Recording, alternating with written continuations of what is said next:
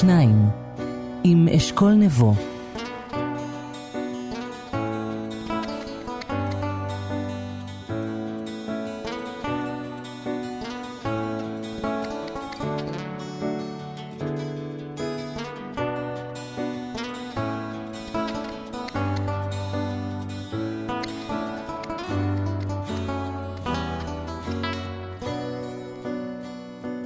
שבת שלום. אני זוכר איפה ומתי קראתי את המאהב של א' ב' יהושע. ככה זה עם הספרים החשובים בחייך. הייתי בן 17, גרנו בחיפה, העיר שבה מתרחש גם הספר, ובה בילה א' ב' יהושע את רוב חייו. במשך שבוע חייתי חיים כפולים. ברובד הגלוי הלכתי לבית ספר, נפגשתי עם חברים, שיחקתי כדורסל, אבל ברובד אחר, עמוק יותר, הייתי עם הדמויות של הספר. אדם, אסיה, דאפי, נעים. דמיינתי אותן, הזדהיתי איתן, רציתי לחזור, לקרוא בספר כל רגע פנוי, כדי לדעת מה יעלה בגורלן. החוויה הזאת של התרמאות בתוך ספר חזרה אחר כך שוב ושוב בקריאה בספרים של יהושע, שיש בהם משהו מתפקע, מסחרר, עולה על גדותיו, חי כל כך, וכמה עצוב היה לשמוע השבוע על מותו. לפני כמה שנים הזמנו את א' ב' יהושע לשוחח עם תלמידי סדנאות הכתיבה שלנו. האולם היה מלא מפה לפה בתלמידים של סדנאות הכתיבה שהיו צמאים למוצא פיו. והוא התיישב, לקח את המיקרופון ליד ואמר בחיוך, אני רוצה לפתוח בזה שאני לא מאמין בסדנאות כתיבה. ואז המשיך לדבר, נוקב, חד, סקרן, מוכיח את הדור הצעיר על זה שהוא בוחר לעשות אומנות במקום להיות מעורב פוליטית, אבל גם פגיע לגמרי כשדיבר על הצורך של כל כותב בלגיטימציה, בהקשר ואיך איקה, אשתו המנוחה, נתנה לו את הלגיטימציה הזו וכמה קשה לו בלעדיה. איבדנו קול חשוב השבוע, אבל הספרים של א' ב' יהושע יישארו איתנו. כי ככה הם, הספרים. נשארים. אנחנו בתוכנית מיוחדת לשבוע הספר היום. ציפי גון גרוס, שמראיינת כבר 36 שנה אנשי ספר בתוכנית ספרים רבותיי ספרים, תתיישב תכף לראשונה על כיסא המרואיינת ותענה על שאלות ספרותיות ושאלות אישיות. המשוררת עדי קיסר, מי שהקימה את תנועת ארס פואטיקה, תקרא משירי הספר החדש והמדובר שלה, כחול, ותענה על שאלון מהיר מיוחד במינו שחובר בהשראת שיריה. עד כאן האקספוזיציה, ומכאן נצא לדרך.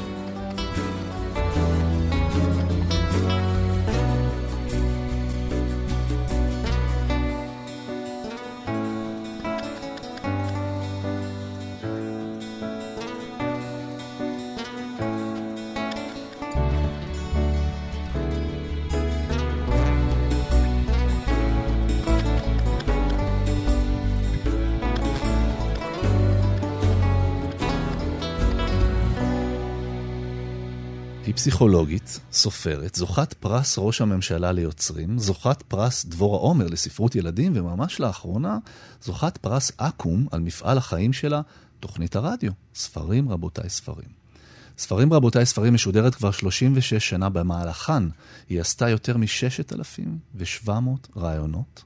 אבל היום בהיפוך תפקידים חסר תקדים, ציפי גון גרוס מולי בכיסא המרואיינת. שלום ציפי. שלום אשכול, תענוג גדול להיות מולך. אני רוצה דווקא להתחיל עם משהו שקרה השבוע. א' ב' יהושע נפטר, ונראה לי ששנינו ככה עדיין בתוך זה באיזשהו אופן. איך את מרגישה סביב זה? קודם כל בעצב גדול, כי מאוד מאוד אהבתי אותו. ומצד שני, הייתה איזו השלמה שיש בה בעיניי המון המון אומץ. הוא דיבר על המוות. אגב, הוא, הוא דיבר על המוות שנים. מות הזקן זה אחד הסיפורים הראשונים שהוא כתב. אבל הוא דיבר, הוא סיפר שהוא ויתר על הטיפולים. שגם הרופאה הפליאטיבית שלו תמכה בזה, והוא הלך בעיניים פקוחות, באומץ גדול, אל השלמת חייו. אני זוכרת, אה, היה לו קשר מדהים עם איקה. אשתו הייתה פסיכואנליטיקאית חשובה וחכמה מאוד, ובפעם האחרונה שבה ראיינתי אותו, כשאיקה הייתה בחיים, שוחחנו על הספר ניצבת. הייתי בבית שלהם בגבעתיים. איקה עשתה לי סיור בחלק של הבית שהוא יותר הקליניקה שלה, וכשיצאתי משם הרגשתי כל כך מוצפת בחום של הקשר המיוחד הזה ביניהם, שעצרתי בחנות אה, פרחים בגבעתיים ושלחתי להם עציץ עם צמח הבונסאי, עץ ננסי כזה, צמח האהבה. וכשהייתי בביתו לפני חודש וחצי לדבר על הספר האחרון שלו, המקדש השלישי, באופן סמלי עברתי באותה חנות וקניתי זר פרחים קטן והבאתי איתי. כי רציתי לסגור את המעגל הזה של הקשר בינו לבין איקה והקרבה הגדולה שחשתי אליו. כן, אני ככה, המון המון משפטים ודמויות מהספרים שלו חולפים, אה, חולפים בראשי, והספרים יישארו איתנו, אני מניח. אני רוצה לחזור אלייך, ו, ובאמת יש לנו פה הזדמנות, כי בדרך כלל את זאת ששואלת את השאלות, ו, וגם אותי שאלת אה, לא פעמים. וחיכיתי לא אותך, פעמים, אתה צריך להודות. כן, והנה הנה, יש לי הזדמנות לשאול אותך שאלות, אז, אז אני רוצה לה, להתחיל מההתחלה, אה, ולהתחיל מהילדות. ולשאול אותך על הבית שגדלת בו, זה בית שהיו בו ספרים? מעט ספרים, היו בעיקר אנציקלופדיות, כי חשוב שהילדים יתפתחו וילמדו. אני לא חושבת שהוריי, חוץ מתנ"ך בפירוש קסוטו ואנציקלופדיה מכלל, רכשו ספרים או היו מודעים למשמעות של ספרים. הוריי היו שניהם שורדי שואה. הם התחתנו בעיר קטנה שהיום היא באוקראינה, שנקראת דובנו, היא מאוד קרובה לרובנו, לעיר של עמוס אורז של הוריו. אבא שלי עבד מאוד מאוד קשה. הוא עבד בשוק הסיטונאי בתל אביב, בהתחלה הוא עבד שם כסבל, לימים הייתה לו שם, היה לו עסק בשוק הסיטונאי. הם הגיעו ארצה ב-1949, כשאחי היה אה, ילד קטן, הוא נולד ב-45. ממש אחרי שהם יצאו מהמחבוא, והייתה מצוקה כלכלית מאוד גדולה בהתחלה. מצוקה כלכלית, אמא שלי נהגה לספר ש, שאבא שלי מכר את טבעת הנישואים שלו כדי לקנות לאחי אוכל. Mm.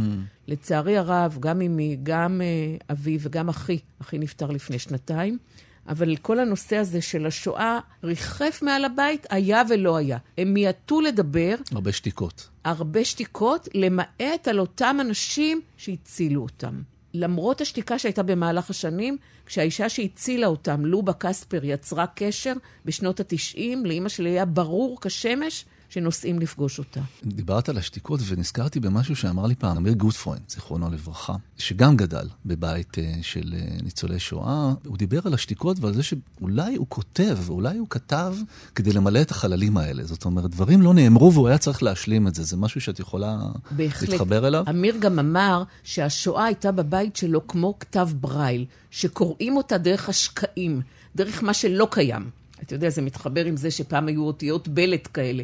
הוא אמר דווקא דרך החורים, מה שלא נאמר, ככה קוראים את זה. ואני בהחלט מרגישה שגם העבודה שלי כפסיכולוגית, שמקשיבה לאנשים, שמאוד מודעת לרגשות שלי, בוודאי ובוודאי של המטופלים, וגם הכתיבה היא מין תשובה לדבר הזה. איך בכל זאת הגעת לספרים? זאת אומרת, אני, אני מבין שהספרים לא היו בראש מעייניהם של, של ההורים שלך, אז איך בכל זאת הגעת לספרים? איך נהיית אדם קורא?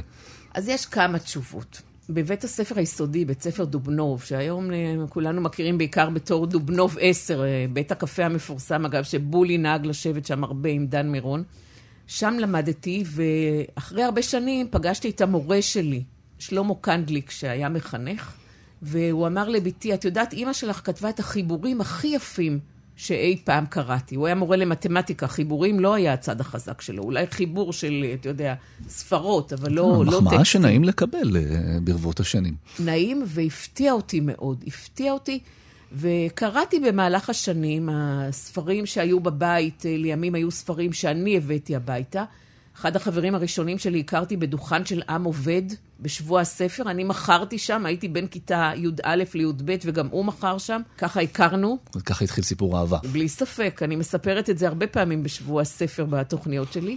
ולימים הציעו לי בגלי צה"ל להפיק תוכנית. תוכנית על ספרים. כבר היית תולעת ספרים בשלב הזה. הייתי תולעת ספרים, אבל... כזה שקוראת קצת... ספרים לא לגילך ומשאילה... כן, וקוראת מה... ברחוב ונתקלת בעמודי חשמל. אבל אז הציעו לי להפיק תוכנית ספרים עם מיכה שגריר, אה, זיכרונו לברכה, ולימים, אה, בשנת 86, התחלתי לערוך ולהפיק יחד עם זיסי סתיוי, שגם הוא נפטר השנה. אנחנו מזכירים במהלך השיחה הרבה אנשים ש... שנפטרו, ו... וגם את חווית אובדנים, גם בשנים האחרונות, בן זוג ובת ואח. ושאלה שככה, כשחשבתי עליה לקראת המפגש בינינו, זה האם בתוך תקופות של אובדן, אה, ספרים יכולים לעזור? אני ארחיב קצת את השאלה, אני אשאל האם כתיבה וקריאה יכולות לעזור. אני אענה לך על זה בכמה וכמה מישורים. אורי ברנשטיין כתב כמה וכמה שירים על פרידה מאימו, ויש הרבה משוררים שכתבו שירים על פרידה מהורה. ואני זוכרת שכשאימא שלי הייתה בחודש האחרון לחייה, היא לא הייתה חולה הרבה זמן, אבל בחודש האחרון לחייה, בגיל 80, ממש הכרחתי את עצמי לא לפתוח את הספרים האלה של אורי ברנשטיין, כי הרגשתי שיש פה איזה מגיה כזאת, שאם אני אקרא את הספר, אני אולי אקצר את ימיה. אבל אחר כך ממש בלעתי אותם, הרגשתי שותפות גורל עם הכתיבה הזאת שלו, על אימא שלו ששוכבת אה, כולה מצונפת וקטנטונת בתוך המיטה לקראת מותה. וגם את כתבת בעצם את כבר לא ילדה של אף אחד. נכון, ושם אני מזכירה גם את הקשר הזה שלי לשירים של אה, אורי ברנשטיין. או יהודה עמיחי, כתב גם על מוות בשדה הקרב, אבל גם הוא כתב, אני רוצה למות על מיטתי. גם זה אגב מוזכר בספר שלי. יהודה עמיחי יש לו שיר שבו הוא כותב כאילו על דור הולך ונעלם. אני לפעמים נוסעת לאיזה מקום ואני אומרת, יותר מדי אנשים אני מכירה שאני רואה אותם עכשיו בשלטי רחוב. ואני עוברת ברחוב ברנדס ואני רואה כאן גרה ו- ויצרה אה, הסופרת אה, נאוה סמל. ואני עוברת ברחוב אחר ואני רואה שם של מישהו אחר שהכרתי. וזה בהחלט אה, מין תחושה כזאת של לאט לאט יש איזה דילית לדור שלם. למה שיניתי את השאלה ואמרתי, האם כתיבה יכולה לעזור? כי אני כפסיכולוגית מאוד מאמינה בכתיבה טיפולית, בכתיבת מכתב לאדם שמת. כשאימא שלי הייתה אה, בחודש האחרון לחייה, כתבתי לעצמי במחברת כל הזמן הערות קטנות כאלה. איך בשבעה על אבא שלי ישבתי לידה, ואיך אולי על אותו כיסא אני אשב עוד מעט אחרי מותה. כתיבה מאוד מאוד יכולה לעזור, וגם קריאה. בגלל שהתוכנית שלך משודרת כל שבוע, את צריכה לקרוא כל שבוע. אז מה קורה בשבוע שבו את חווה אובדן? משהו ש- ש- שהוא קשה לך באופן אישי, ואת צריכה להתכונן לתוכנית. איך, איך בכלל מצליחים... תראה, כשבעלי היה חולה מאוד מאוד, ידעתי שימיו ספורים או שבועותיו ספורים. ואז הקלטתי מראש תוכניות, גם כשהוא היה מאושפז בבית חולים, הוא היה מושתל ריאה, והוא היה מאושפז כמה חודשים. אז בתקופת המחלה הדרמטית שלו, היו לי תוכניות מוקלטות מראש. למקרה שאני לא אוכל. אני חושבת שאולי ב- בכל 36 השנים של התוכנית הזאת, אולי פעם אחת היא לא שודרה. אולי. אני לא זוכרת פעם כזאת, אבל בואו ניתן ככה איזה מקום לספק, אולי פעם אחת היא לא שודרה. נכון, לפעמים בתקופות מאוד מאוד קשות, אני מנסה להקל קצת על עצמי, לא לקרוא עכשיו עוד ארבעה ספרים ולעיין ב-20, אלא אני עושה נניח שיחה בין שני יוצרים. בתקופות המאוד קשות, אני מביימת תוכנית שבה הדיאלוג בין שני היוצרים יצמיח את התוכנית, שאני לא אצטרך אה, לקרוא ארבעה ספרים חדשים כפי שאני עושה מדי שבוע. אני באמת רציתי לשאול אותך על, על, על כמות הקריאה, זאת אומרת, זה 36 שנה. אני חושב שהתחלתי להאזין לה כשהייתי חייל, הייתי נוסע בטרמפים מגלילות לחיפה, וזה היה פשוט ברדיו של מי שהיה לוקח אותי, או, ש, או שהייתי נוסע כבר בעצמי באיזשהו שלב.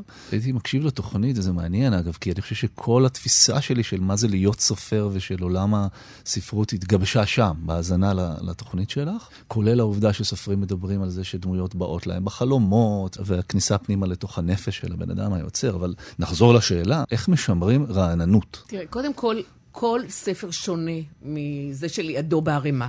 אגב, לקראת שבוע הספר, משלחות של שליחים מביאים לי את הספרים, אתה לא מתאר לעצמך.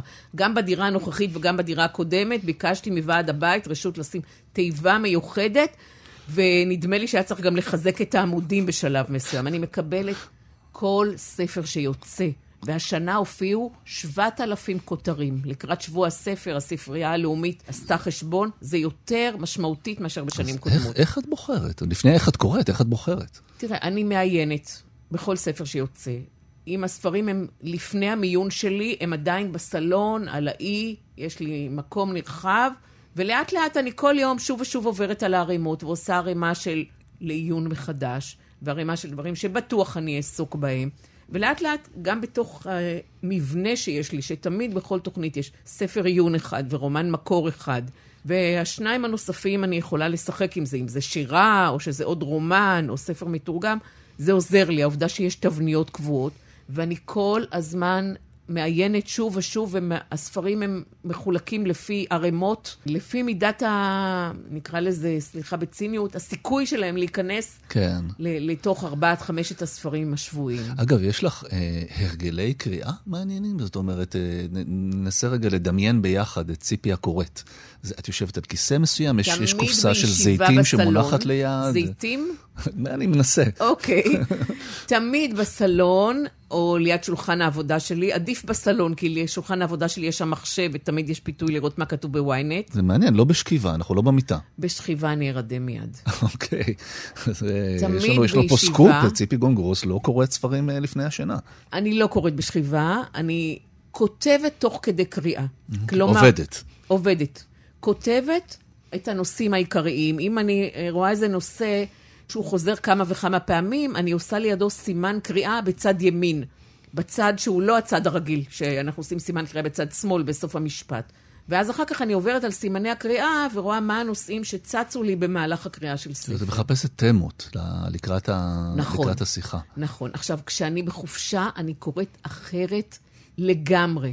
הייתי לפני חודשיים עם נכדתי בפריז בטיול בת מצווה, ולקחתי את הספר של מירה מגן, אהבה יד ראשונה. יופי של ספר. אני מאוד אוהבת את בואו מירה ננצל את מגן. ההזדמנות להגיד, קראתי אותו נכון. בסיני ונהניתי הנאה עזה. נכון, נכון. אני מאוד אוהבת את מירה מגן מהספר הראשון של הכפתורים רכוסים היטב, וגם מחברת בינינו אהבה משותפת ליוסל בירשטיין המנוח, שגילה אותה ככותבת, ואני קוראת בחופשה אחרת לגמרי. אחרת אין לגמרי. סימני קריאה, אין סימני אין תמות. כן, כן. את עדיין מסוגלת ליהנות מקריאה עם כל העמלנות הזאת. אני מסוגלת ליהנות מקריאה בחופשה יותר. לפעמים שואלים אותי את השאלה הזו בווריאציות שונות, ואני אומרת שזה קצת כמו לעבוד בבית חרושת לשוקולד. אתה מאוד אוהב שוקולד, אבל כשכל היום צריך לבחוש בכף העץ הזאת את המכל הענקי של השוקולד, לפעמים זה קצת מציף, אבל אני, אני מתכננת גם את הקריאה. נניח אני מקליטה עכשיו בתקופת הקורונה בימי רביעי, מהבית, זה חוסך את כל הפקקים ואת כל המסכות, ואני מתכננת uh, בימים שלפני כן באיזה יום אני אקרא מה. איזה יום תקראי. יש עוד שאלה שהעסיקה אותי, והיא גם מבוססת על החוויה שלי כמרואיין אצלך. אה, את גם פסיכולוגית. עכשיו, אני יכול להעיד כמרואיין שהיו לפחות שתי שיחות שניהלנו, שהרגשתי אחרי הטיפול, אחרי הטיפול, איזה יופי של אה, טעות פרוידיאנית, אחרי השיחה, שקיבלתי תובנה טיפולית. האם קורה לך, כשאת מכינה שיחה לקראת התוכנית, שאת את מזהה שם נושאים שהם, כן, הם נושאים שתרפויטיים, ואיך את מתמודדת עם זה? כי את הרי לא יכולה לקחת אחריות טיפולית אה, על שיחה ברדיו. קודם כל, בוודאי שאני מזהה. אני פסיכולוגית הרבה שנים. ואני אספר לך דבר מעניין. בעצם יש לי שני כובעים עיקריים. כובע אחד הוא הכובע של הפסיכולוגיה, והכובע השני הוא הכובע של הספרות, של כתיבה ובעיקר של ראיון. בהתחלה, את הדרך שלי, מאוד מאוד הקפדתי על הפרדה בין שני הכובעים האלה. הקפדה יתרה. למשל, עבדתי כמה שנים כפסיכולוגית באיכילוב במכון להפרעות שמיעה ודיבור, ויום אחד בא מישהו מגלי צה"ל ואמר, את לא מאמינה, הילד שלי מגמגם, ויש באיכילוב פסיכולוגית, קוראים לה ציפי גון גרוס. אמרתי לו, מה, באמת? זה היה השם שלי על הדלת, כן? כן. מאוד מאוד הקפדתי על הפרדה. לאט לאט ראיתי, כמו שרבים רואים, אני לא מחדשת בזה כלום, שהקרבה בין פסיכולוגיה לבין ספרות היא מאוד גדולה. שזורמים שם איזה נחלים מתחת, שפעם ההחקה שלך היא החקה של פסיכולוגיה, ופעם היא החקה של ספרות, ולמדתי לא, לא להילחם כל כך בשני הכובעים האלו שלי. ולכן בהחלט כשאני קוראת ספר, לפעמים אני לא פעם ולא פעמיים מגלה דברים שהם גם בתחום הפסיכולוגיה, ואני הכי אוהבת אשכול לראיין, להיות הראשונה שמראיינת סופר על משהו. כי עדיין, הוא לא בקסטה, הוא לא מדקלם. בדיוק, בדיוק. כי עדיין הוא לא על האוטומט שלו, וגם אני נורא אוהבת שסופר אמר, את יודעת מה? לא היה לי מושג על הדבר הזה. לא חשבתי בכלל. אני אתן לך דוגמה שהעסיקה אותי בימים האחרונים. כתבתי בשנים האחרונות ספר, ואני מקווה שהוא יצא לאור בערך עוד שנה, ספר על ילד שאימא שלו היא קצינה בכירה בצבא והיא אם יחידנית. בסביבות הבר מצווה שלו הוא לוחץ עליה והיא מספרת לו שזה היה מישהו מהמושב שלה והיא ביקשה ממנו את רשותו ללדת ילד ממנו והוא נסע לחו"ל והיא לא שולחת לו תמונות, היא לא מבקשת ממנו כלום. ופתאום גיליתי שקראתי לו אבישי. אני מחכה שמי שראיין אותי על הספר יגידו האבא וקוראים לו אבישי, כאילו... עכשיו, לא הייתי מודעת לזה בשום צורה אשכול. בשום צורה. ככה יצא, מה שאומרים. וכן, ואלה האזורים שמעניין באמת להסתכל עליהם. אנחנו עם אה, ציפי גון גרוס, שמגישה את התוכנית ספרים רבותיי ספרים כבר 36 שנה, ועכשיו היא בתפקיד המרואיינת שלנו, והנה הגענו לשאלון המהיר. שאלה תשובה, איזה תפקיד עשית בצבא לפני שנהיה ספרים רבותיי ספרים? תראה, קודם כל, בתום הטירונות שלחו אותי בטעות לקורס כתבניות. והיו שמים לי אוזניות, והאוזניות אומרות א', קש, ב', קש, במקום המילה הקש, כדי לקצר אותה. איך נחלצת מזה? הייתי כל יום בורחת למרכז של הבסיס, לא היו אז טלפונים סלולריים, מתקשרת לגלי צה"ל ואומרת לי, יצחק לבני, הצילו! ואז כשחזרתי יום אחד לבסיס, אחרי שהשמעתי קריאות אזעקות לגלי צה"ל, גיליתי שאני מצטיינת מדי, הם רוצים להשאיר אותי מדריכה בקורס ואבוי, כתבניות. אוי ואבוי. ומאותו רגע התחלתי לטעות. טעויות הקלדה בכוונה. טעויות הקלדה בכוונה. לא, למה הייתי כל כך טובה בקלדנות? כי בתיכון עשיתי עבודה על מבצע סיני ולמדתי קלדנות כדי להקליד אותה בעצמי. אז הייתי מוכשרת מדי. בקיצור, התחלתי לטעות, וככה הגעתי לגלי צה"ל. התפקיד הראשון היה מפיקה של תסכיתים בגלי צה"ל, בימת רדיו. תקשיבי, הסיפור הזה עם ההקלדה זה ממש ל, זה ל- לסרט על חייך, אה, זה, זה סצנה קולנועית.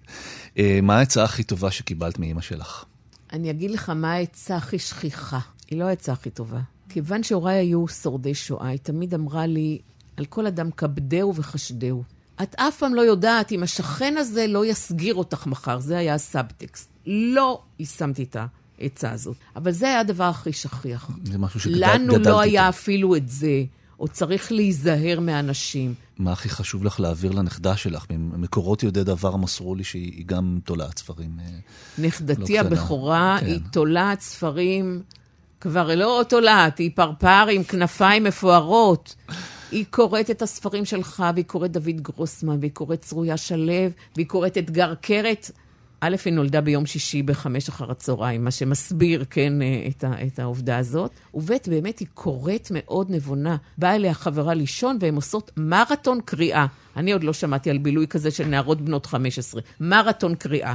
הן יושבות וקוראות שתיהן באותו בית, ובלילה הן מחליפות חוויות, כל אחת מה היא קראה. כן, ירבו. אני חושבת שהעצה הכי טובה שאני יכולה לתת לשבעת נכדיי, להיות בן אדם. בעיניי להיות מענץ' יותר חשוב מכל דבר אחר. כן תקרא, לא תקרא, להיות בן אדם, להיות רגיש לאחר, להכיל את המצוקה שלו או את האהבה שלו. להיות מענץ', בקיצור, אין ביטוי יותר טוב מהמילים האלה ביידיש, להיות מענץ'. אני איתך בעניין הזה. בפני אה, איזה מאכל את לא יכולה לעמוד? בגלי מלח, שטובלים אותו בחמאה. זה נורא פשוט, נכון? כן. אבל אני בהתמכרות קלה. אם אה, היית משתתפת בערב כישלונות, יש ערבי כישלונות שהולכים וככה אה, אה, נהיים נפוצים יותר. אנשים עולים על הבמה ומספרים על, ה, על הכישלון שלהם. איפה נכשלת? א', בטוח נכשלתי. אתה יודע, ברעיונות כניסה לגלי צה"ל ולהמון מקומות שואלים, מה החיסרון שלך? מה אנשים אומרים? אני פרפקציוניסט, אתה כן, יודע? כן. אף אחד לא מודה בכישלונותיו. יותר מדי משקיע. בדיוק. אבל היו לי כמה וכמה כישלונות. למשל, יום אחד כשהייתי בגלי צה"ל, גרתי ברחוב איתמר בן אבי שלוש, ולשכת העיתונות המרכזית הייתה באיתמר בן אבי שבע. אז uh, היו נותנים לי בגלי צה"ל uh, קומוניקט, נניח, בריאיון בגלי צה"ל אמר היום ראש הממשלה, והייתי אמורה ללכת לבית סוקולוב, מרחק 50 מטר מהבית שלי, ולשים את זה בתיבות הדואר של uh, העיתונים השונים. ויום אחד, זה היה חג שבועות, לא קמתי בזמן. והתחילה צעקה, צלצלו מגלי צה"ל, אבל יצחק לבני חיפה עליי, ואיכשהו העברנו את הפשלה הזאת. תראי איך את זוכרת את זה. והייתה לי. עוד פשלה אחת בגלי צה"ל, הייתה כן. תוכנית שנקראה מבחר רדיו. זה היה מבחר השידורים ששודרו במהלך השבוע, ואני הייתי אמורה לערוך אותה, עודד בן עמי היה המגיש, והיו משדרים אותה ביום שישי. ולפעמים היא הייתה משודרת בשידור חוזר. עשיתי תוכנית, הכנסתי לתוכה כמה מערכונים ששודרו באותו שבוע, שקשורים לאולימפיאדה. אלא שהשידור החוזר היה אחרי שהספורטאים כבר נרצחו. וואו. אימא'לה, זאת פשלה איומה. והתחילו טלפונים מקצין חינוך ראשי, מאלוהים ואשתו. צלצלו לגלי צה"ל, ואיכשהו זה נגמר באיזו התנצלות. הייתי אמורה להקשיב לשידור החוזר לפני שידור, וכמובן לא הייתי משדרת את זה, כי כן. הספורטאים כבר לא היו בחיים. וכן, ולא נשלחת לכלא הצבאי. זה לא, ב- ב- בעקבות מעולם לא נשלחתי. זה. אה, האם אה, התגלגלת פעם מצחוק באמצע ראיון והיו צריכים לעצור את ההקלטה, או לערוך את זה אחר כך ב... לא התגלגלתי מצחוק, קרה שהייתי במבוכה מאוד גדולה. פעם ראיינתי את בתו של אחד המשוררים המשמעותיים שלנו, כמה שנים אחרי מותו, והיא הייתה עילגת ברמות שאי אפשר לתאר. אי אפשר לתאר. אמרתי, הסנדלר הולך יחף, אבל כאילו, מה, הוא הולך על גחלים? זה מוגזם. והקדשנו שעות לעריכה של הרעיון הזה, ואחר כך התקשרה אליי אה, הבחורה הזאת ואמרה, לא ידעתי שאני מדברת כל כך רהוט ומקסים, ואמרתי, כן. העורכת פה מחייכת מעבר לזגוגית, כי היא אמרתי בליבי, גם אני לא ידעתי שאת מדברת כל כך רהוט, אבל לא אמרתי לה, אמרתי, כן, תודה. האם אחרי 36 שנה יש מישהו שהיית מאוד רוצה לראיין, וזה לא צלח עד עכשיו? זה יכול להיות גם, אגב, סופר מחו"ל, אה, או, או ככה מישהו שהוא ממש בוויש ליסט שלך, ב, ב, בראש הוויש ליסט. יש לי חבר טוב שעשה את הדוקטורט שלו על המשוררת קדיה מולודובסקי. מכיוון שאני מאוד אוהבת יידיש, ומכיוון שקראתי את הדוקטורט שלו, וגם קראתי אה, ספר שירים שלה שהוא בעצם הוציא מהמחבוא מכל מיני ארכיונים בעולם, אני מאוד מסוקרנת לגביה, והייתי אוכלת איתה איזה גפילטה פיש וצ'ולנט נחמד ומשוחחת איתה. היא הייתה מדברת יידיש, הייתי מבינה חלק, אבל הייתי מאוד נהנית. אני אספר לך שלפעמים חלומות שלי מתגשמים. הייתי לפני 6-7 שנים ביריד ספרים בינלאומי בלייפציג. היינו קבוצה של עורכי מדורים ספרותיים.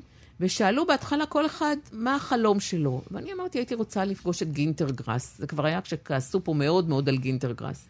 הם לא עשו שום דבר אה, עם החלומות שלנו, ובאותו מלון שבו היינו, ירדתי לארוחת בוקר, יחד עם שירי לב-ארי שמשדרת כאן אה, בתאגיד, ועם אבנר שפירא שכותב על ספרים בעיתון הארץ, ואני אומרת להם, זה לא גינטר גראס? אמרו לי, מה, בחייך, גינטר גראס בגילו יושב פה לבד במלון הזה? אמרתי, טוב, בואו ננסה. ניגשתי אליו, הוא היה באמצע הקרואסון, חיכיתי שהוא יגמור מהפה, כמו שאמרו אצלנו בוורשה, ושאלתי אותו הוא גינטר גראס, והוא אמר, כן. אז התיישבנו לידו, שירי ואבנר שפירא ואני, והתבשמנו מהעובדה שאנחנו קרובים לידו, ואחר כך אחד האנשים שארגנו שם את המסע הזה, סידר לנו ראיון איתו. בדיעבד זה היה הרעיון האחרון שהוא נתן, כי חודשיים אחרי זה הוא הלך לעולמו. אז שלושתנו שידרנו או, או הדפסנו בעיתון הארץ את הרעיון איתו, ובדיעבד זה היה הרעיון האחרון שלו, כך ש...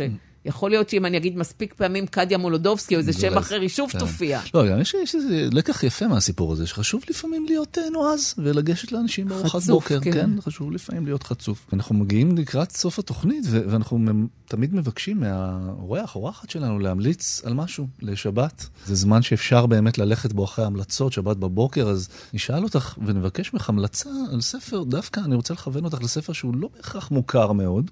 ושאולי דווקא היית רוצה שאנשים יכירו. תראה, אני מאוד אוהבת לקרוא ספרי נוער. אני יכולה לקרוא שוב את אריק קסטנר, אני יכולה לקרוא את ינץ לוי, אני מאוד אוהבת ספרי נוער. עופרה גלברט אבני, אבל הופיע עכשיו, ממש לאחרונה, ספר שכתבה תמר אוכשטטר. תמר אוכשטטר הייתה חיילת בגלי צה"ל, והיא הוציאה ספר שנקרא שוליית הקוסמת. ספר מקסים, אני לא יכולה לראיין אותה, כי כבר תוכנית אחרת בגלי צה"ל סיכמה איתה על ראיון, אה. יש אירוע איתה בבית אביחי, לכן לא יכולתי לראיין אותה. ותמר אוכשטטר היא גם אחד האנשים שעומדים מאחורי האתר המקסים שנקרא הפנקס, שיש בו... אתר לספרות ילדים. יש שם התייחסות מקסימה לספרי ילדים בכל המובנים, לאיורים, לטקסט, לכל דבר שקשור לספרות ילדים. והספר הזה הוא ספר שאני מאוד אוהבת וממליצה עליו. גם קיבלנו עוד המלצה בעצם על אתר הפנקס, אני מצטרף להמלצה, זה באמת המקום הכי רציני היום בהקשר של ספרות ילדים. אנחנו מתקרבים לסוף וחושב על זה שהחלפנו תפקידים ורוצה לשאול אותך לסיום איך היה לך להיות בכיסא השני. נעים מאוד, ממש נעים מאוד. לא הרגשת צורך ואחריות לדאוג לזה ש... להפך, האחריות עברה אליך, איזה כיף לשחרר קצת אחריות. נעים מאוד, אשכול. שמחתי לאפשר לך את שחרור האחריות ותודה רבה שבאת. תודה.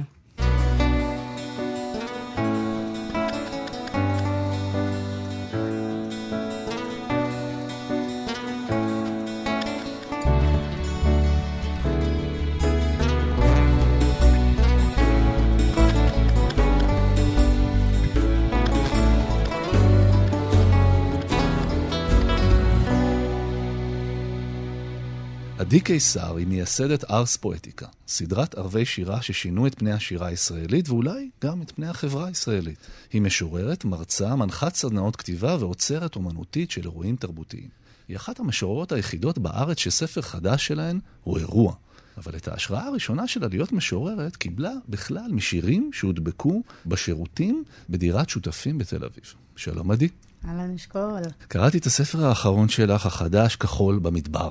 בבוקר שקט מאוד, ככה באזור אה, ערד, בואכה ים המלח. והשירים גם אה, נגעו בי וגם נגעו לי ונכנסו לי ככה, נכנסו לי ללב, ואני רוצה שנספיק לשמוע כמה שיותר מהם בתוכנית, וחשבתי להתחיל ברשותך ב-37. בכיף. הולך? הולך ככה. כשהכל התפורר ושקע, חשבתי שאולי הפרטים יצילו אותי.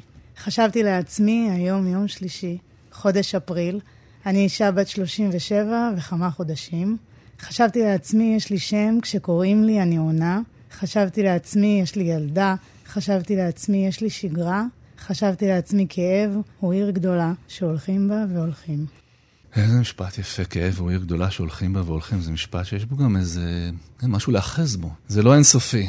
כשאתה מדבר על מה להאחז הזה, אני חושבת שבתנועה יש טעם מה להאחז. כי כמו שאמרת שזה לא אינסופי, אז הכאב הוא מקבל כל מיני צורות במהלך הזמן, וזה גם כן מעניין לראות את התהליך הזה. לפעמים כשאנשים נתקלים בשיר, יש איזו הזדהות נורא גדולה בין השיר לבין המשורר או המשוררת שכתבה אותם, וכמובן שזה נכון. מצד שני, אני חושבת שיש איזשהם רגעים או איזשהם מחשבות שבאות לידי ביטוי בשיר, מחשבות שהיו ברגע מסוים, ואז יש עוד המון דברים אחרים גם. טוב, אתם אנשים של רגע, אתם המשוררים, אז אני, אני רוצה רגע להתעכב על הרגע, ואולי אפילו תקופה, כי נראה לי שספר הוא תמיד לוכד אה, תקופה בזמן. מה התפורר ושקע? על איזה שקיעה אנחנו מדברים? הספר הזה הוא בעצם אה, נכתב אה, בשנים שבהם הזוגיות שלי התפרקה, ואחר כך הגיעה מגפת הקורונה.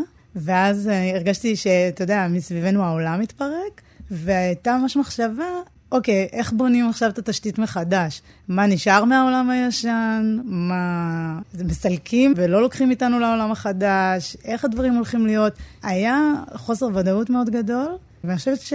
הייתי צריכה לחשוב על המון דברים מחדש. בעצם את אה, גם בן אדם שמופיע, זאת אומרת, אז אין הופעות יותר. אין הופעות. אין ספוקן וורד, אין קהל. זה היה מדהים, זה היה תוך אה, שבועיים, כל היומן אה, שהיה חודשים קדימה, פשוט התפנה. עכשיו, זה לא רק אה, בעניין של שאני יוצרת או מופיעה, זה מן הסתם בעניין של פרנסה. פתאום אין שום דבר. את שואלת עצמך, האם זה יחזור? מתי זה יחזור? איך זה יחזור? יש לי ילדה, האחריות שלי כבר היא אחרת. היה צריך לחשוב על הכל מחדש, גם כי אני אישה ואני יוצרת, ויש לי המון דברים שחשובים לי, בתוך תקופה שהיא מאוד מאוד לא ברורה. ואני חושבת שמצד אחד... היו קשיים מאוד גדולים בתקופה הזו, ומצד שני, היה משהו מאוד מעניין בלחשוב על הכל מחדש. אני אוהבת להפעיל את השריר הזה. אני אוהבת חדש. אז זה היה צריך באמת, אני חושבת, כמו עוד המון אנשים, נראה לי, סביבי. כתבת בקורונה, כי נדמה לי ש, שבתוך אה, ככה קהילת הכותבים היו שני סוגים מאוד נפרדים. נכון. אנשים, אלה שהקורונה גמרה להם את הכתיבה, ואלה שכן זה פינה להם מקום. אז מה, לאיזה משני הסוגים את uh, שייכת? אני נראה לי שייכת לראשון, אבל בהסתייגות. הרגשתי שאני לא כותבת כי אני צריכה תנועה וחיים כדי לכתוב. אתה יודע, זה גם היה ניסוי כזה, אף פעם לא קרה דבר כזה. אני זוכרת את הרגע הזה שהעולם נעצר, שאמרתי לעצמי, אני לא חשבתי שאני אהיה עדה לרגע כזה. זה הדבר הכי מופרך שיכולתי להעלות על הדעת. אז אני חושבת שזה היה בעניין הזה ששמתי לב ש...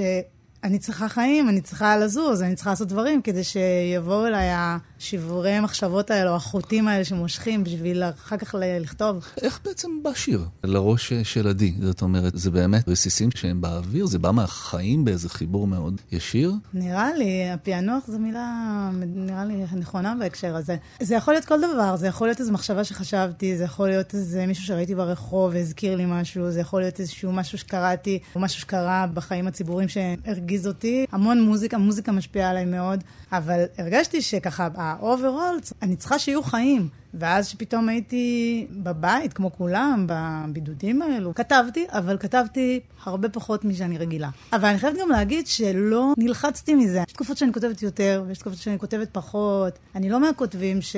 או כותבות שאתה יודע... שקמות בבוקר עם משמעת כזאת מאוד uh, קפדנית של היום אני כותבת מ-9 עד 12. היה לא. לי את המשמעת הזו כשהתעסקתי עם תסריטים. למדתי באוניברסיטת תל אביב תסריטאות, ושם זה עניין אחר. אני חושבת שאולי שם זה נושק יותר לכיוון של הדברים שאתה עושה, של כותבי פרוזה.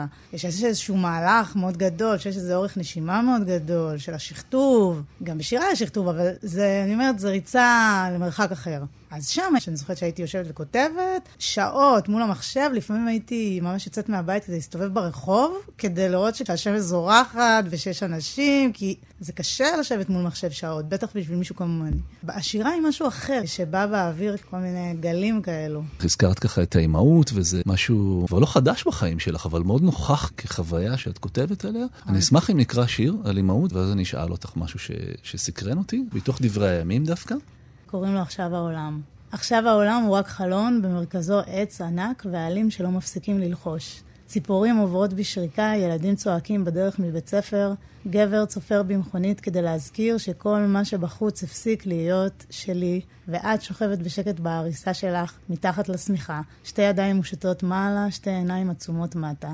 לידך מוטלת בובת תוכי שמנגנת מנגינות מתוקות. בשלוש בלילה, כשאת מתעוררת לאכול, העולם הוא רק חלון, במרכזו חשיכה גדולה, ודירה אחת ממול היא מנורה קטנה, דולקת כל הלילה, שמישהו השאיר בסלון, את שוכבת בשקט בין ידיים, מוצצת חלב מהבקבוק. אני חושבת, הלוואי שהייתי מנורה אחת קטנה, אור דולק תמיד בחושך, שאהיה בשבילך כל החיים, הדירה ממול. איזה יופי. זה, זה מצחיק, אתה יודע, כי החיבור שנוצר גם בשיחה שלנו עכשיו עם השיר הזה, שאחר כך אנשים uh, שמכירים את השיר כתבו לי, וואי, זה ממש מזכיר את הקורונה, שעכשיו העולם הוא רק חלון, שההתרחשות בחוץ uh, לא קיימת, וזאת אומרת, המבט הזה שעל החיים ולא בתוך החיים, יש בזה משהו מאוד מעניין. כן, השנה הראשונה זכורה לי כחוויה שבה העולם התעמעם. או נגיד, אם אני אצטט מתוך אה, שיר אחר שלך, מכחול, אה, אני מסתכלת על חיים מתרחקים ממני, כמו רכב נוסע לאט. זאת אומרת, יש את החיים ואתה בתוך איזה בועה. כן, את עטופה בתוך איזו התנהלות כזאת שיש לה קצב פנימי אחר. של חיים חדשים שהגיעו, שיש להם צרכים, משהו מאוד, באיזשהו אופן חייתי כזה, צריך לדאוג, אה, אתה יודע, לאכול, לישון, יש סדר, לדאוג ליצורה הקטנה הזאת שהרגע הגיע. זה משנה אותך כמשוררת? אני הרגשתי בקריאה של שני הספרים אה, שאחרי סימון אה, ביתך, ולעומת שני הספרים שלפני, שקרה משהו. אם את יכולה לעזור לי לדייק את זה. אני חושבת שזה קרה בגלל שהחיים משתנים, ואז כשיש לך ילדה זה שינוי בחיים, ואז יש לך חוויות אחרות לכתוב עליהן, ויש לך מחשבות אחרות שבטח לא היה לי אותה. אין ספק שזה לוקח המון מהזמן של היום, כי פתאום אין רק אותי ואת העניינים שלי. יש עכשיו אה, מישהי שכל הדברים שלה באים לפניי, כולל אה, משחק בפארקים, הכל בא לפניי. יש בזה משהו מאוד מקסים, יש בזה משהו שהוא שיעור, ב, אתה יודע, בלימוד של ביטול עצמי, חזק מאוד. זה מעניין. אני חושבת שלפעמים קשה לי שאין לי זמן. לפעמים אני שמחה על זה שאני לא יכולה להתעסק עם עצמי, אני אומרת, יואו, איזה מזל, יש מישהו אחר להתעסק בו. זה תערובת של דברים, אבל אני חושבת שבעיקר במימד הזמן, הוא לא קוהרנטי, קשה להשלים מחשבה. אני מנסה לחשוב משהו, ואז פתאום יש לה משהו מאוד חשוב להגיד. כן. אז זה מין כזה, הזמן יהיה אלסטי, כמו בקורונה. יש לטל ניצן שורה מאוד יפה בשיר שהיא כתבה, גם כן, נשב לביתה, אם אני לא טועה. מפריעה לי לכתוב את השיר עלייך. כן, אני יכולה להבין את זה. אני רוצה לבקש ממך לקרוא שיר ש... שמאוד תפס אותי, וממנו אולי נגיע לשיחה על, על ארס פואטיקה. זה נקרא, ראיתי את עדי קיסר במציאות. זה בכחול. ראיתי את עדי קיסר במציאות, ורציתי לספר לה שעוברת עליי תקופה שניסיתי להיות מרוכזת, שחיפשתי תרבות חדשה, שלקחתי יום לחשוב על הדברים, שרציתי לחשוב על דברים יפים, ששלחתי לעצמי פרחים, שיצאתי מדעתי, שיצאתי מדעתם של אחרים. שרציתי שהזמן יתחיל, שהתעקשתי להחזיק, שלא חיפשתי אהבה, שרציתי להיות אישה בלי זיכרון, לובשת את הימים, כמו שמלת קיץ דקה. קראתי את השיר הזה, והוא קודם כל מאוד מצא חן בעיניי. זאת אומרת, מה, ראיתי את עדי קיסר במציאות ככותרת לשיר, זאת הברקה. וחשבתי גם על המטען הזה, ואולי גם איזה משקל שאת נושאת על כתפייך. זאת אומרת, מייסדת ארס פואטיקה, סדרת הערבים ששינו את השירה הישראלית. זאת לפעמים גם מתחשק לעשות משהו חדש, שלא יטרידו אותך כל הזמן מה שעשית, למרות שאתה גאה בו. תראה, יש משהו מן הסתם מאוד מבורך וטוב שיצירה של מישהו מגיעה להמון אנשים, זה מדהים הרי, וגם התגובות, ואתה, מי כמוך יודע את זה. מצד שני, זה מעורר עכשיו מערכת ציפיות שלמה שהשם של אותו אדם טוען בתוכו. ואז אני אומרת, יש בעניין הזה, במערכת ציפיות הזו, משהו שהוא פחות משוחרר. זה יושב לך בראש? אני, אני אמורה לכתוב שיר על הזהות המזרחית שלי בזמן שאת כותבת? בכלל, או להפך. זה אני... עושה לך חשק לכתוב דווקא לא. לא, אין לי את ההתרסה הזו. אני אומרת, תמיד, הכתיבה חייבת להיות חופשית. אם מעורבים בשיקולים של אנשים או קהל או תגובות, זה כבר לא, לא יכול להיות ברגע אמיתי. ואז לא יכול להיות בה איזשהו אלמנט של אמת, או איזשהו משהו חדש, או משהו ש... מחובר לעצמי באותו רגע. המבט החיצוני חייב לא להיות שם. אני פשוט, העניין הזה, שבאמת שלשמחתי הארס פואטיקה ככה עשה איזה קרוס מעולם השירה, באמת להמון עולמות, שזה באמת השמחה והגאווה שלי. אותי, גם כן, אתה יודע, זה שישע. גם השיר הזה, אני מקווה שגם אנשים רואים בו את ההומור. כן? אז אני חושבת שהעניין הזה של המבט החיצוני הזה עליי, כמו שאני פעם לפעמים הייתי אומרת, אה, וואי, ראיתי את ה... כן. בחיים האמיתיים או במציאות. אז אתה יודע, גם, אז לקחתי את המבט הזה והפניתי אותו על עצמי, ראיתי את עדי קיסר. המאזינים שלא מכירים את הסיפור של הארס פואטיקה, בוא נתחיל מאיפה זה התחיל. זאת אומרת, איך בכלל עלה בדעתך הרעיון לעשות את הערב הראשון? מאיזה כעס זה בא, מאיזה היעדר? פשוט מה שקרה זה כשאני התחלתי לכתוב שירה, אני מאוד לא הכרתי את עולם השירה. כי הייתי עסוקה בכתיבה אחרת, גם קראתי הרבה יותר פרוזה לפני, והתעסקתי בתסריטאות, עיתונות. ואז כשהתחלתי להסתובב בערבי שירה בתל אביב, כי רציתי לראות קצת מה קורה, כי אני התחלתי לכתוב שירה, וגם לא דיברתי על זה יותר מדי באותה תקופה. זה היה נראה לי כמו משהו, ז'אנר מאוד מוזר בשבילי, אבל עובדה שהתחלתי לעשות את זה. ואז לא מצאתי את עצמי שם, הייתה שם אווירה שמאוד לא התחברתי אליה, הרגשתי ש... מה, מלנכולית כזאת? צינית, צינית, מין ציניות כזו, כאילו יש איזה משהו כזה, אתה יודע, בעיר הגדולה, צריך להיות אירונים כאלו בדור שלי, אנחנו לוקחים את עצמנו ברצינות, אבל לא באמת, כי הרי שירה היא כאילו מין עיסוק כזה מאוד uh, רציני, ואז הרגשתי שבעצם בסוף לא אומרים יותר מדי, כשכל הזמן משאירים את הרווח הזה, שיש בו את הספק. וגם הנושאים שהתעסקתי בהם, כל מיני דברים שקשורים לזהות שלי, סבא וסבתא שלי שהגיעו מתימן. הרגשתי שאני עוסקת בכל מיני דברים, ואני לא יכולה לראות את עצמי מקריאה באירועים כאלו. ואז באמת, מתוך מחשבה שהייתי רוצה להקריא את השירים שלי, אמרתי, אני אעשה אירוע שירה. אם הערבים שקיימים לא מתאימים לי, אני אברא ערב שמתאים לי. כן, אבל אתה יודע, לא חשבתי באיזה צורה הירואית. אמרתי, אני אעשה אירוע, ואני אקריא את השירים. וזאת אומרת, הכי הרבה שיהיה, זה שיהיה כיף ומוצלח. זה יהיה מתוך עולמי. אני מאוד אוהבת לתקלט מוזיקה מזרחית, פופ ערבי, פופ מרוקאי, מוזיקה תימנית. אמרתי, נעשה חפלה עם מוזיקה כזו, כאילו, אני לא יכולה לתקלט באותו ערב, מישהו אחר יתקלט, ונעשה הקראת שירה, יהיו רקדנים, רקדניות, רקדנית בטן, יש לי חברים וחברות שעוסקים בזה, ונעשה אירוע, וכך בעצם זה קרה, וקראתי לאירוע ארס פואטיקה. לקחתי את ארס פואטיקה באלף, מן הסתם, ושיחקתי ככה על העין, ובאמת לעשות איזה reclaiming למושג הזה, כי באמת חשבתי שגם המוזיקה שאני אוהבת, או כל מיני מטען תרבותי שאני מגיעה ממנו, בעיניי הוא מקסים ומדהים, בתוך, לפעמים המיינסטרים, או בתוך הקונטקסט ההגמוני, הוא לא מקבל את המשקל או את הכבוד הראוי לו. אתה יודע, היו אומרים לי, זה מוזיקה של ערסים. אני אוהבת את המוזיקה הזו, היא בעיניי מוזיקה מדהימה. אז אמרתי, אז אני, אני אקח את הביטוי הזה, שאני מרגישה שהוא נועד uh, להעליב את, בוא נאמר, המשפחה התרבותית שלי, ואני, אתה יודע, לעשות לו reclaiming. ואני אגיד, אני ערסית. ואז מה תעשו? אם אני אמרתי את זה על עצמי, אז העלבון מתבטל בעיניי. זאת אומרת, זה מרוקן את זה מתוכן, וזה מעיד בעצם על מי שאומר את הדבר, כן, לא עליי. או כמו בשיר אחר שלך, אני המזרחית, עוד ככה זה מתחיל. טוב, זה באמת הגיע מאיזשהו רצון ככה לענות להמון תגובות שבאותו זמן קיבלתי, אבל באמת ארס פואטיקה, בסוף האירוע, אנשים התחילו לשאול מתי האירוע הבא, כי באמת נהנינו. אה, גם כותבים שרצו להשתתף וגם אנשים קוראים שהיו כקהל, ואז אמרתי, אוקיי, אני אעשה עוד אירוע. וככה בעצם התחלתי לעשות כל חודש במקום אחר בתל. וכשאת מסתכלת, בכל זאת חלב זמן, את חשה סיפוק, את חשה תסכול, את חשה אה, שיש עוד דרך לעשות, כי אין ספק שזה זה באמת, זה מאורע מחולל. זאת אומרת, במונחים של פרוזה. במונחים של תסריטאות כן, גם, כן, אני מכירה את מאורע מחולל. זה מאורע מחולל, אבל, אבל גם, אני חושב, לך יש גם פרספקטיבה להסתכל אולי גם על מה שעוד צריך להתחולל. אנחנו כחברה ישראלית, יש לנו עוד המון על מה לדבר והמון אה, שינוי לעשות בהמון תחומים, אבל אני חושבת שלגבי הארס פואטיקה והתנועה שזה יצר בעצם בעולם, אני חושבת שאני סופר שמחה וגאה על הקהילה שנוצרה דרך זה, על זה שזה מאפשר לי עד היום לעבוד באופן עצמאי, כאיזושהי אוטונומיה שיכולה לעשות את הדרך שלה בעולם הספרות. מוציאה את הספרים שלך לבד, זאת אומרת, בלי ממסד. כן, וזה באמת מדהים, כי יש לי חופש ענק ביצירה שלא יכל להתקיים בלי זה ה... זה לבד הדסטארט? זאת אומרת, יש, יש תמיכה של אנשים? כן, כן, זה פשוט... בעצם אומרים, אני אקנה את הספר? כן, וזה באמת ככה, באמת עשיתי את ארבעת הספרים, שזה מדהים, עם הספר כחול האחרון. זה היה כל כך לא מובן מאליו, זה כבר ספר רביעי, וזה כל פעם ככה מחדש מפתיע אותי, וזה כיף. הרבה פעמים ארס פואטיקה, בגלל ה edge והתוכן הפוליטי והחברתי שהיה בו, זה התקשר המון פעמים למחאה וכעס. וזה legit, כאילו, זה הכל סבבה. הכעס הוא רגש מאוד מאוד לגיטימי. כן, אני חושב שאת גם עובדת איתו. זאת אומרת, מאוד זה לא משהו לגיטימי. שאת מפחדת ממנו. כעס קיים בחיים, והוא קיים גם בשירים, והוא קיים גם בספרות. אבל אני אומרת שהייתה שם התפוצצות גדולה של שמחה. הייתה שם שמחה מאוד מאוד גדולה. על זה שאנחנו יכולים לקחת אה, מחדש את התרבות שלנו, בלי אה, שיעשו תיווך, ובלי הפילטרים שהתרגלנו לראות. ובלי להתנצל. כן, באמת, לחגוג את הדבר הזה באופן הכי עמוק שלו.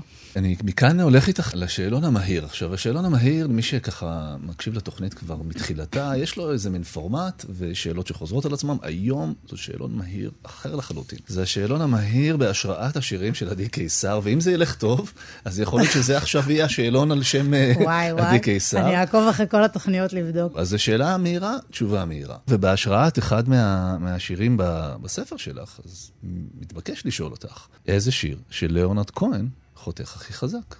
Master Song. Master Song. אם רחוב העלייה ורחוב רוטשילד היו הולכים מכות, מי היה מנצח? רחוב העלייה. אוקיי. מה למדת מהים? שאני צנועה כל כך מול החיים. הולכת הרבה לים? כל יום לשחות. אה, לשחות ממש. אני תמיד אומרת, זה נשמע הירואי. אני שוחה לרוחב, אני לא מאלה שעכשיו אה, שוחים ליוון. הים הוא חלק קריטי בחיים שלי, אפילו שאני מאוד ירושלמית. במוצא שלי ובהוויה שלי. חולקים פה ירושלמיות ואהבה לים, שזה פיתחנו זן חדש. אשכול. ירושלמים שאוהבים ים. כן, תדע, אבל הרבה מהם אומרים, אוי, יש שם הרבה חול. הרבה חול, כן, אתה יודע, כן, לא נעים. לא אוהבים את זה. אמא שלי, לאן נודדות המחשבות? וואו, תלוי, תלוי באיזה יום תופסים אותי ובאיזה שעה. על שם מי קראת לסימון סימון, בתך? סימון זה סיפור uh, מעניין. Uh, הספר שלי מוזיקה גבוהה, יש שם בהתחלה איזושהי הקדשה להורים שלי וגם לנינה סימון, אז באופן טבעי, אנשים חושבים שזה באמת על שם נינה סימון, שהיא אישה שהיא השראה עבורי גדולה מאוד, אבל בעצם השם uh, סימון מגיע מהשחקנית סימון סניורה, שהייתה שחקנית יהודייה והייתה צרפתייה, והיא הייתה ככה אישה מאוד מיוחדת וכוכבת גדולה.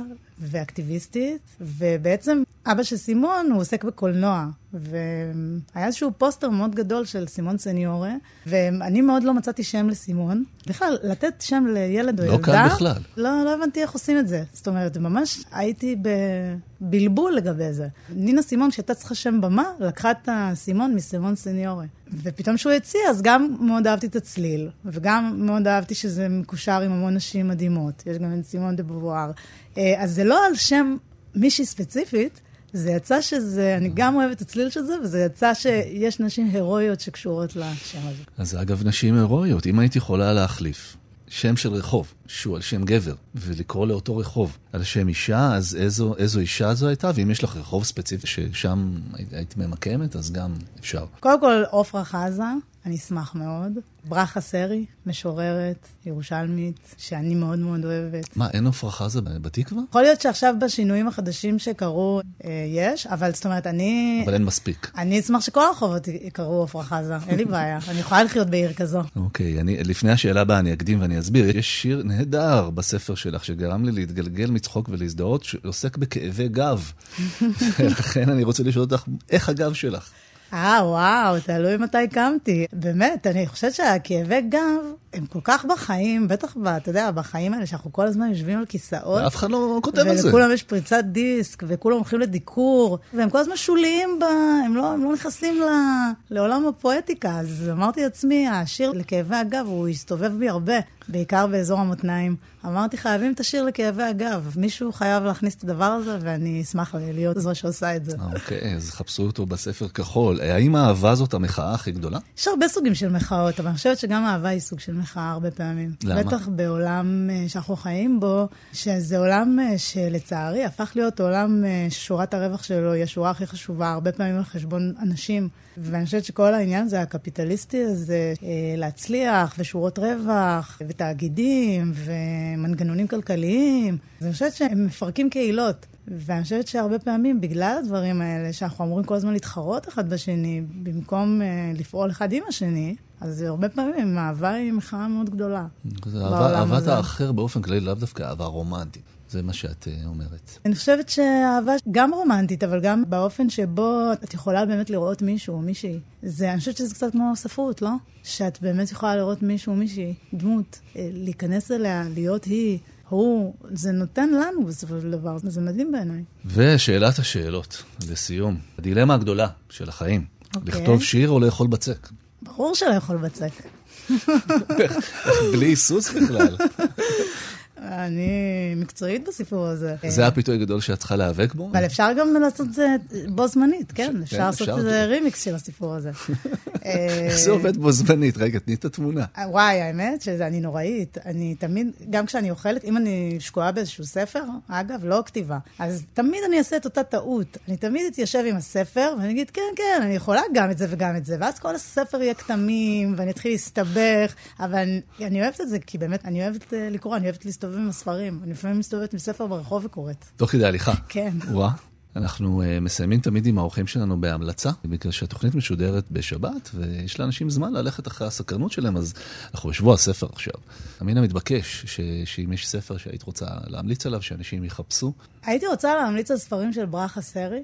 אוקיי. אני לא יודעת אם אפשר למצוא אותם בדוכנים, אבל uh, אני חושבת שהכתיבה של ברכה, יש בה כל כך הרבה עניין וחופש. יש שורה של ברכה סרי שאת הולכת איתה בראש? נגיד השיר, uh, בעיניי מופתי, לאכול מנגו לבד, שזה פשוט שיר מדהים, זה שיר שמדבר על חופש של אישה. ואני אומרת, פמיניסטי מהמקום הפשוט ביותר של לאכול מנגו לבד. זה שיר שיש בו כל כך הרבה חושניות והומור ומטען פוליטי, שרק ברכה יכולה. יש לה כל מיני ספרים שאני חושבת שעולם הספרות עדיין לא הגיע מספיק אה, לקרוא ולחקור, לא רק עולם הספרות, בכלל, שירים של ברכה סרי, שאני מאוד מאוד אוהבת. אז ברכה סרי, אני חושב מהיתרונות של התקופה שאנחנו חיים בה, אפשר למצוא כל מה שמחפשים. אם, אם אה, מתאמצים מספיק, אז חפשו את ברכה סרי, ותודה רבה על השיחה הזאת בהצלחה עם הספר החדש, ועם האירועים, ועם הדי-ג'יי, ועם המוזיקה. תודה.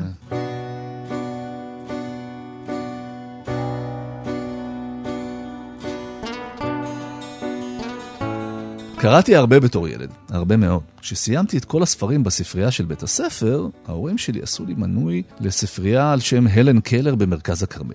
כשסיימתי את כל הספרים שיועדו לגילי, בספריית הלן קלר סגרתי דיל חשאי עם הספרנית לפיו מותר לי להשאיל גם ספרים שהם לא לגילי. אבל גם את הספרים שלא היו לגילי סיימתי תוך כמה חודשים, אז לא הייתה ברירה, וניגשתי והתחילו אורחימו לספרייה העצומה שהייתה בחדר העבודה של ההורים שלי. רובה הכילה ספרים מקצועיים, אבל במדפים העליונים שכנו כמה ספרי קריאה למבוגרים שמשכו את עיניי. הייתי נמוך למדי עדיין, וכדי להגיע למדפים העליונים נאלצתי לעמוד על כיסא ולמתוח את איבריי. כנראה שתוך כדי מתיחה נשענתי על הספרייה. כנראה שהספרייה לא הייתה יציבה במיוחד, כנראה שהיא לא הייתה מחוברת לקיר כמו שצריך, מה שבטוח שכמה שניות לאחר מכן הספרייה כולה, על כל ספריה, קרסה עליי. וזאת התמונה שנגלתה לעיני אימא שלי כשהיא נכנסה לחדר לראות מה מקור הרעש. ילד בן עשר, קבור מתחת לעשרות רבות של ספרים, חצי עמום וחצי מבסוט. אז אל תחכו שספרים יפלו עליכם, מאזיניי היקרים. בואו לדוכני שבוע הספר, אולי נתראה שם.